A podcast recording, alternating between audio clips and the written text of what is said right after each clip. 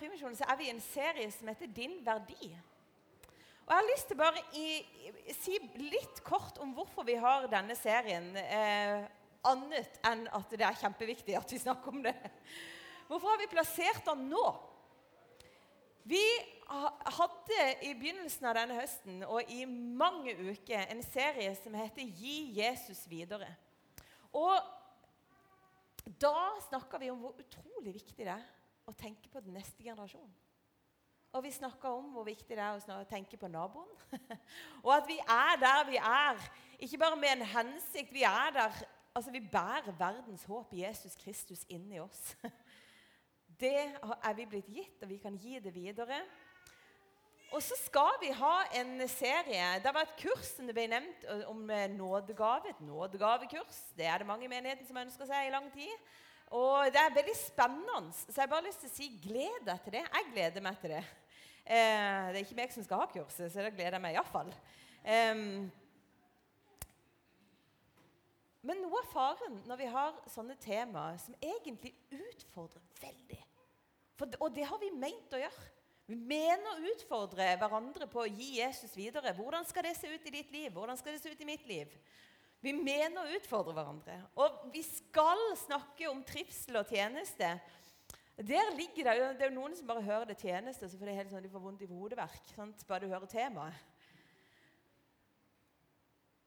Og så er det jo et ord 'trivsel' da, som kommer først, bare så du vet det. Så du kan glede deg til å, til å høre om det kanskje på nytt. Men vi har så lyst til å minne hverandre om at vår verdi det ligger faktisk ikke i hvor flink du er på noen ting som helst.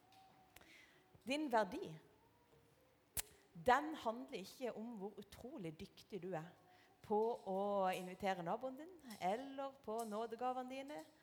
Nei. Din verdi, den er etablert lenge før. Lenge før du trakk første, ditt første åndedrag. Det sa vi om no, noe om forrige søndag. Det kan du gå inn på Spotify eller podkast eh, og høre på. Vi, på, vi, har noe som heter Åpen lunsj hver torsdag klokka tolv. Det er veldig hyggelig. Da steiger Lillian vafler til oss. Vi er, vi er, altså så heldige. Og vi har noen skiver sammen og drikker kaffe og prater. Denne søndagen her så snakker vi om at verdi kan skifte. Denne, unnskyld, denne torsdagen. Eh, forrige gang så sa vi at eh, verdien, hvem, hva som er din verdi, det, handler, det blir bestemt ut ifra en relasjon du står i. Ikke sant? Du kan plassere en koffert med en million kroner langt ute i Sahara. Har liten verdi der. Men hvis han kommer i mine hender I relasjonen til hendene våre, så er det plutselig relasjon til Ja, du skjønner. Noe som jeg husker veldig godt, det er når TV 2 når, altså når vi gikk fra bare å ha NRK til å også ha TV 2 hjemme hos oss. Det var stort. Eh, og etter hvert som TV 2 vokste som kanal, så kom der noen eh, værmeldingdame fra Rogaland.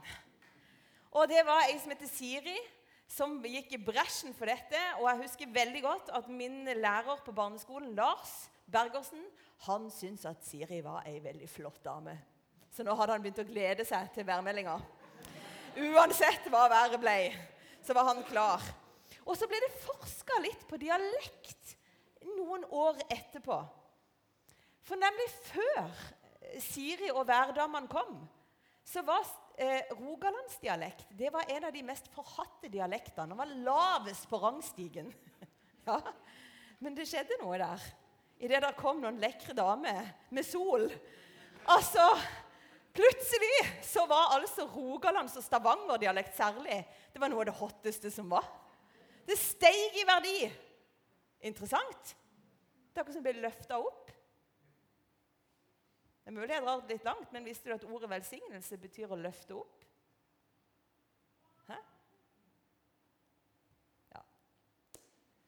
Verdi Jeg tenkte på det med verdi og identitet. Identiteten handler om hvordan jeg ser på meg sjøl. Hva tenker jeg om meg sjøl? Hva tenker jeg om min verdi? Det er mye vi kan si om identitet. Eh, og oppi den der suppa der så eh, prøver vi å finne ut av hvem vi er på så mange forskjellige vis. Noen tar jo en nådegavetest, noen tar en personlighetstest. Og, og, vi jobber mentalt for å bli kjent med oss sjøl. For noen så er slanking og trening veldig viktig, og for noen så er akademia veldig viktig. Bibelen gir en annen tilnærming til identitet. Sannheten om din verdi finnes dypest sett et annet sted utenfor deg sjøl. Og vi tror at han finnes hos han som skapte deg. Og jeg tenkte at Vi skulle se nærmere på en historie om Jakob, som er en av jødenes og våre stamfedre i troen. Vi skal nemlig kikke på Jakob. Og Jakob han kan du lese om i første Mosebok. Han er en ung mann. Sønn av Isak og Rebekka. Han er barnebarnet til Abraham. Han er òg tvillingbror til Esau. Og eh, Jakob er født som nummer to. Esau kom først ut, så kom Jakob. Og Jakob holdt Esau i hælen når han kom ut. De kom tydeligvis ut i et renn, disse her to. Og fordi at han liksom var så lur, han holdt fast i noen andre, så får han navnet Jakob, for det betyr 'han som holder i hælen'. Det kan òg bety 'han som overlister'. På godt norsk så hadde vi kanskje sagt 'en luring'. Jakob luringen. Navnet du fikk, det hadde noe med identiteten din å gjøre. Og det er jo, altså Her inne har vi jo mange forskjellige navn med mye forskjellig betydning. Eh, eh, en venninne av meg som heter Siri, jeg tror navnet hennes betyr noe med katt. altså Eh, så vi tror ikke det at navnet ditt bestemmer hvem du er. Men sånn var det da. Der hopper vi inn i historien, i første Mosebok, kapittel 27. Da holder pappa på å dø. Pappa til disse tvillingene, Isak, han ligger for å dø. Han ligger for døden, og han sier, spør etter sin eldste sønn Esau. Han spør om es, eh, sier at Esau nå må han lage et godt måltid. Nå må de ha måltid sammen, for nå er tida inne for å velsigne. Å velsigne, det var, eh, det var liksom Det var ikke bare sånn der 'Herren signe det'. Nei, nei, når du velsigna. Det, altså, det var en grunn til at det ble, det ble tynt helt til dødsleiet var der. For i velsignelsen så lå alt det som Isak hadde. Omtrent hele hans identitet skulle liksom legges over. Og de var, ikke, de var mer enn konkrete. De, var, de tenkte på det åndelige livet. De var i liksom, hvilken styrke, hvilken kraft. Hva har du fått med deg? Alt det ble lagt over på det mennesket som ble velsigna. Tvillingene sin mamma Rebekka hører det, og da sender hun beskjed til Jakob og sier du, nå holder faren din på å dø, og han har tenkt å gi velsignelsen. Now is the time to act eh, 'Nå lager jeg ei god lammegryte', sier hun til Jakob, som ikke var den førstefødte, for den førstefødte som skulle få velsignelsen. Eh, unnskyld, nå datt jeg litt ut av det. Um, ja, nå tar Rebe eh, Mamma Rebekka hun eh, sender beskjed til Jakob. Og så sier hun nå skal jeg lage god lammegryte. Og så kan du gå til din far og så kan du late som om du er Esau. Kan vi bare etablere at dette er en dysfunksjonell familie fra børjan? Det er, det er jo helt forferdelig. Her er konemor inne og har tenkt å lure jeg holdt på å si konefar, men, men far. Uh, og hun, drar uh, Jakob, minstesønnen, inn for å lure sin eldste sønn og bror. Det er jo så trist som det kan få blitt. Dette er familiekrise. Og Rebekka kler altså Jakob sin yngste opp i Esau sine klær. Og så legger hun lammeskinn rundt nakken og rundt armene til Jakob, sånn at han skal være hårete. Det er jo helt vittig. Altså, I min ungdom så kalte vi det for en scam. Det er jo bare så bedrag uten sidestykke.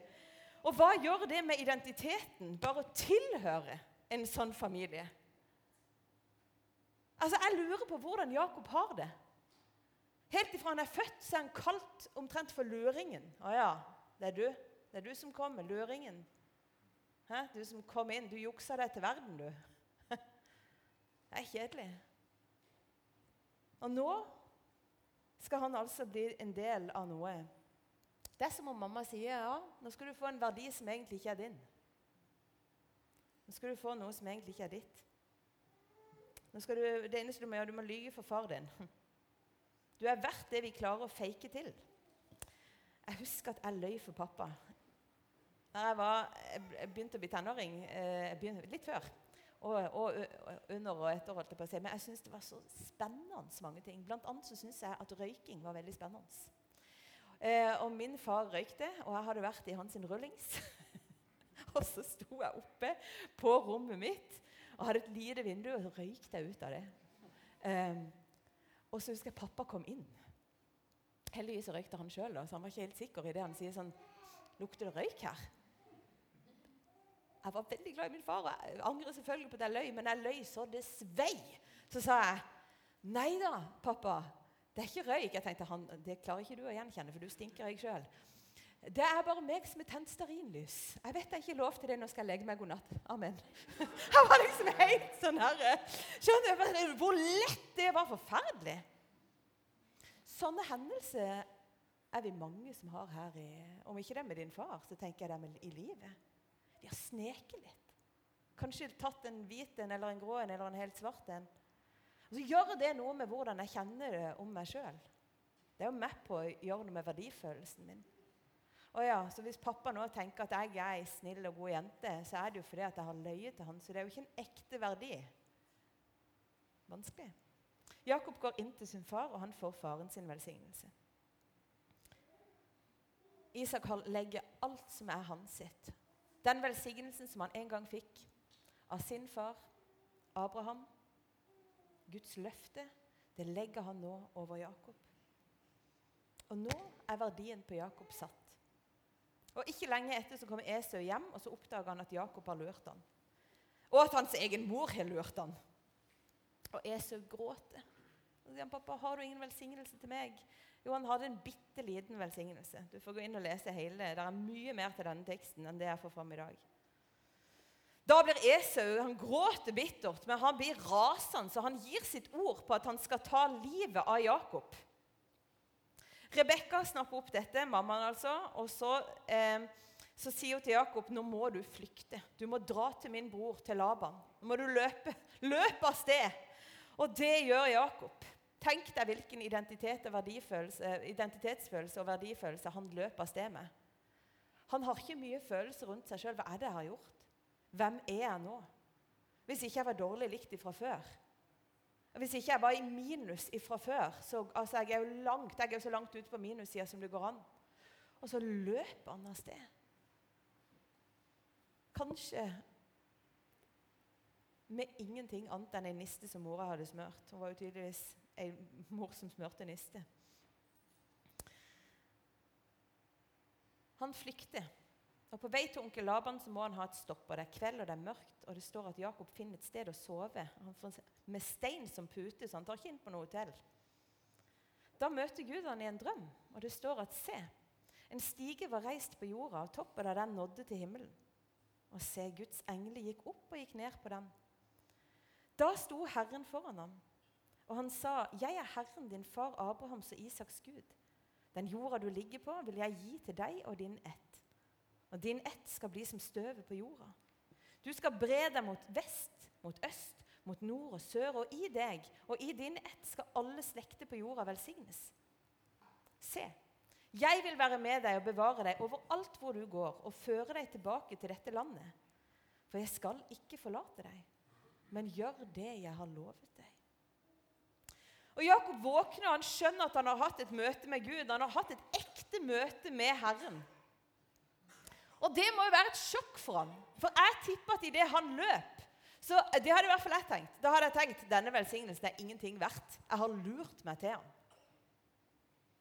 Og Mange ganger så har jeg kommet til Gud og så har jeg kanskje gitt et Jeg vet ikke, jeg har sagt noe, eller og så kan jeg ha det der bedragersyndromet inni meg, hvis du visste hvem jeg egentlig var. er vi sikre på dette her? Gud, har Gud virkelig sagt at han tar imot meg sånn som jeg er? Men Gud annullerte faktisk ikke velsignelsen, selv om han visste hvem Jakob var. Og han visste hva han hadde gjort, hva som var skjedd. Gud er trofast selv når vi er troløse, står det. For han han holder fast på sitt ord, og han vet noe. Jeg tror at, at Jakob nå får erfare at Gud vet hva som er hans grunnverdi. Og Da gjør Jakob en handling når Jakob får et møte med Gud, en berøring av Gud, da kommer det en respons. Og det jeg bare lyst til å si at det er lurt å gjøre. Når Gud berører oss på ulike vis, når vi kjenner boff, Oi, her var det noe.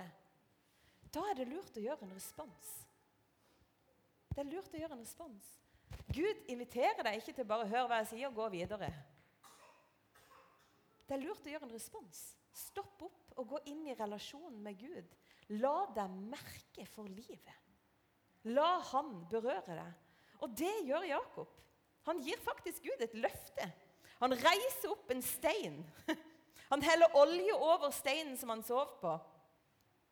Og Han gir faktisk stedet Det er så sterkt for han at sier dette stedet skal hete Betel. og Det betyr Guds hus. Midt ute i ødemarken så er Guds hus. Tenk det, du, som kjenner deg midt i ødemarken. Og Jakob gir Gud et løfte. og Han sier om Gud er med meg og bevarer meg på veien der jeg går. Om han gir meg brød å spise og klær å ha på meg, hvis han lar meg vende tilbake til farshuset mitt i fred, da skal Herren være min Gud. Denne steinen som jeg har reist som en støtte, skal være Guds hus. Av alt du gir meg, skal jeg gi deg tiende. Det er jo lett å si når du ikke har noen ting. Du skal få 10% av det jeg har. Ingenting. Men det Jakob gjør, er at han trør inn. OK, Gud, hvis du møter meg, så skal jeg sannelig møte deg. Da skal, ok, Hvis du vil ha noe med meg å gjøre, da kommer jeg. Bomme. Da kommer jeg. Jeg kommer, og jeg vil ha noe med deg å gjøre. Og nå bare gir jeg et løfte som Abraham hadde starta før han. Jeg, gir, jeg, jeg, gjør sånn som min, min farfar gjorde. Jeg skal gi deg 10% Men det han sier, er jo egentlig jeg skal gi deg min tillit. Du skal få tilliten min. Jeg skal gå med deg, Gud.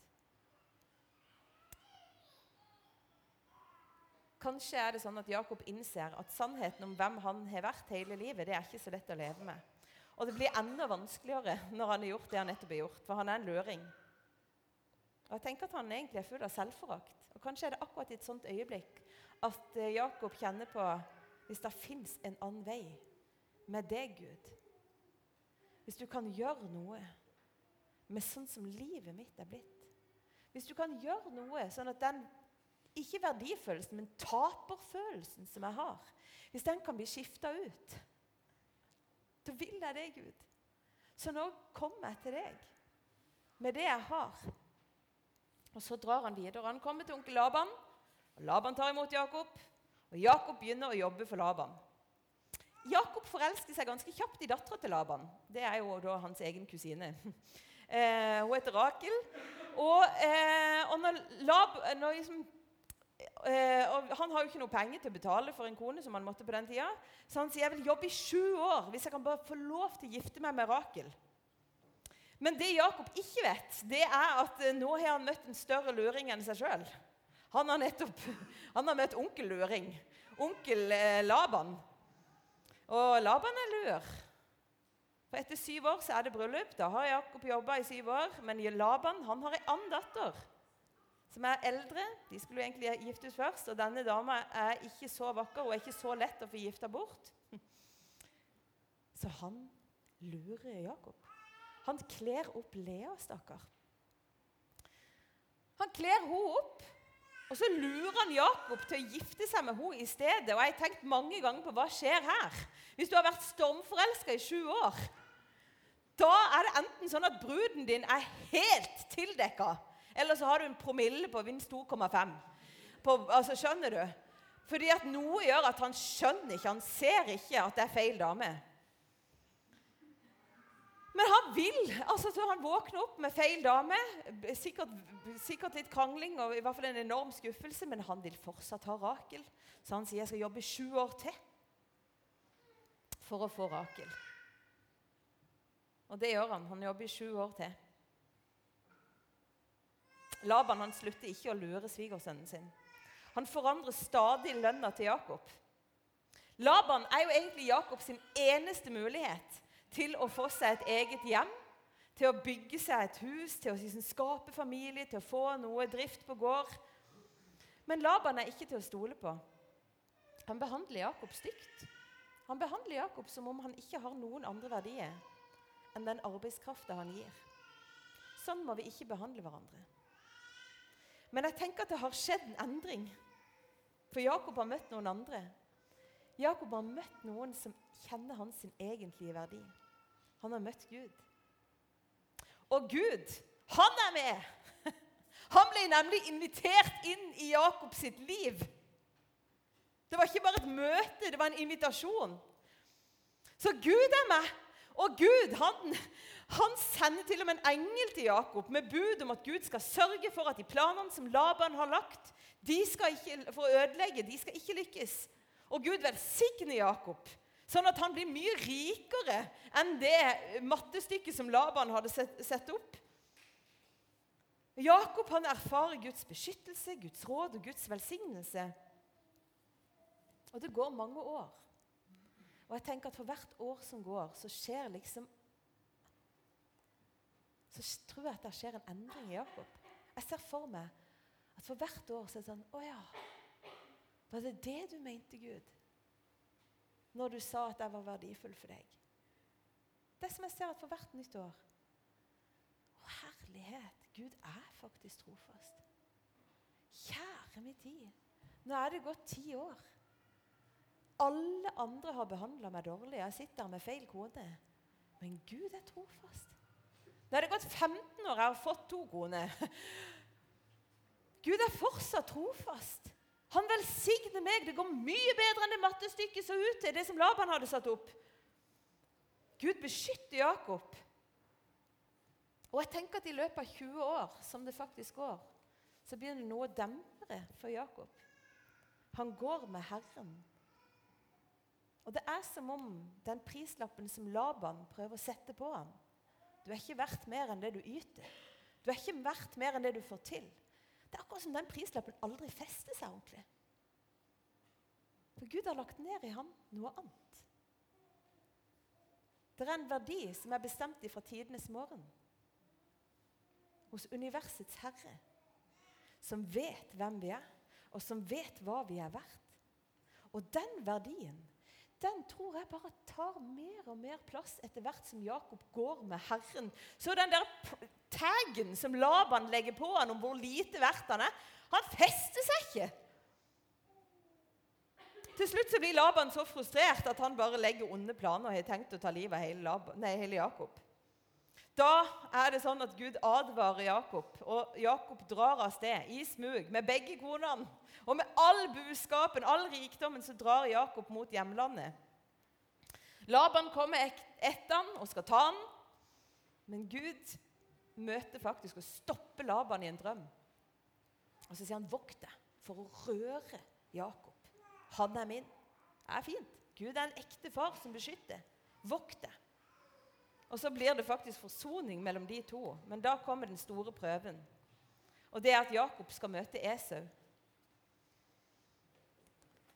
Og Jakob vet jo det, at han er jo ikke kalt til å dra til et nytt sted. Nå er det gått 20 år. Nå skal han tilbake til utgangspunktet, og det er jo heavy. Og kanskje trenger man 20 år på å komme seg for å kunne dra tilbake. Men han sender beskjed til Esau. 'Jeg er her, og nå kommer jeg.' Jeg har vært hos onkel Laban. Jeg har med masse dyr. Og responsen han får, er at nå er Esau på vei mot han med 400 mann. Esau er på vei med 400 mann. Jakob er her med to koner, en haug av unge og masse budskap. Det er klart han er redd. Han er livredd. Og han planlegger hva skal jeg gi til broren min så han kan tilgi meg. Han er nervøs, og det er med god grunn. Og Det blir natt igjen før de faktisk skal møtes. Og denne natta så skjer det noe. For om natta så går Jakob helt alene. Da møter han skikkelsen av en mann. Denne mannen kommer til ham og han begynner å slåss med mannen. Han slåss helt til det er morgen. Og når mannen så at han ikke kunne vinne over Jakob, da får han et slag over hofta. Men Jakob svarte, 'Jeg slipper deg ikke før du velsigner meg.' Det er som om han sier, 'Jeg slipper deg ikke.' Jeg slipper deg ikke før du forsikrer meg på ordentlig om at jeg er ditt barn. Jeg slipper deg ikke før du gir meg det du gir dine barn. Jeg har ingenting annet som holder i livet mitt. Onkel Laban holdt ikke, mine foreldre holdt ikke. Broren min er jo en dødstrussel. Jeg har ingenting annet enn deg. Og, og, det er akkurat som jeg tenker sånn, han, han, vet jo at Gud har satt sin verdi på han. Han vet jo at Gud har forsørga. Likevel så kommer han en gang til og så sier han, jeg slipper deg ikke. Ikke før du velsigner meg. Nå har jeg ikke lurt. Jeg lyver ikke. Jeg trenger din velsignelse. Kan du velsigne meg på ordentlig, på en måte som jeg ikke har lurt meg til? Gud, i 20 år har jeg kjent det. Prøvd å stole på, på deg så godt jeg kan. Du har vist deg å være trofast. For han har skjønt at det er ikke en mann, det er Gud han kjemper med. Det er Gud som møter han midt i hans nød. Og Gud velsigner Jakob. Faktisk så gir han han et nytt navn. En ny identitet. Han sier du skal ikke lenger hete Jakob. Israel skal være navnet ditt. Og Israel, det betyr den som står med Gud. Stående med Gud. Eller så kan du snu på det. Den som Gud står sammen med. Og nå skal ikke jeg dra Gaza-konflikten, den kan du bare la ligge. For der lider folk på begge sider, og Gud elsker hver enkelt en. Så ta det helt med ro. Jeg er ikke politisk her, men jeg er høyst personlig. Du skal ikke lenger hete luringen. Du er den som står med meg. Jeg kjenner din verdi. Lenge før mennesket la en eller annen kjip tag på deg. Lenge før du gjorde deg vonde erfaringer i familie, i samfunnet ditt, på hele veien din. Lenge før det. Så visste jeg hvem du var. Du er den som hører til hos meg. Og Jakob, som er løringen, han har fått en ny identitet. Han er den som står sammen med Gud. Han er Guds sønn. Og så møter han Esau, vet du. Og så blir det forsoning. Og så sier Esau, Esau sier faktisk 'jeg har rikelig'. Tenk den lille velsignelsen Esau fikk. Det var rikelig nok for livet hans sitt. Gud vet du, han har omsorg for Esau. Så blir det forsoning. Du, Vi er Guds barn. Og den største sannheten om livene våre det er at vi er elska av Gud. Og vi har så forskjellig historie. Vi har forskjellig erfaring med livet. Og vi har fått forskjellige prislapper satt på oss av andre mennesker. Og jeg har lyst til å binde deg om det i dag. At det fins en verdi og en sannhet som er mye større enn det noen andre har talt. Det er i Israels velsignelse at vi får lov til å stå. Vi står sammen med Herren. Eller enda større, han står sammen med oss. Forrige gang så tok jeg opp eh, 'Løvenes konge', og Mofasa møter Simba. Så sier han, 'Husk hvem du er. Du er min sønn. Du er min datter.' Sånn tror jeg det. Og så har jeg bare lyst til å si, Hvordan skal, jeg, hvordan skal dette skje, da? At, verdi, at min opplevelse endrer seg? Nei, kanskje er veien vår akkurat som Jakob sin. Det er tid.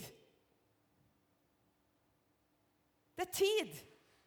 Og det er trofasthet i det lille vi får til. Det er det. Det er det som gjelder. Han har ingenting å komme til Herren med idet han møter han der med steinen i Betel. Og så bare sier han ok, nå skal jeg gå med deg. Og det tror jeg er det vi kan si. Jeg skal gå med deg, Herre. Og så må du dag for dag, time for time, år for år stige, ta mer plass.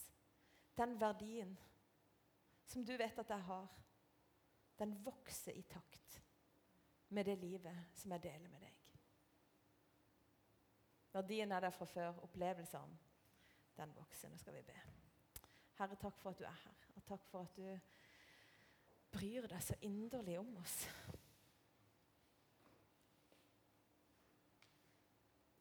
Du kjenner vår verdi. Du kjenner vår historie, Herre. Du vet hva som har vært vanskelig, og du vet hva som har vært utfordrende, Herre. Og du vet når tid vi har lurt, og når tid vi har løyet, Herre. Og du vet hvordan vi ser på oss selv. Og Herre, må du komme, du som kjenner en sannhet som er større. Ta bolig, Herre. Vi inviterer deg. Nok en gang, som Jakob gjorde. Herre, vi slipper deg ikke. Du må overbevise oss, Herre. Takk for det blikket du har på hver enkelt av oss. Amen.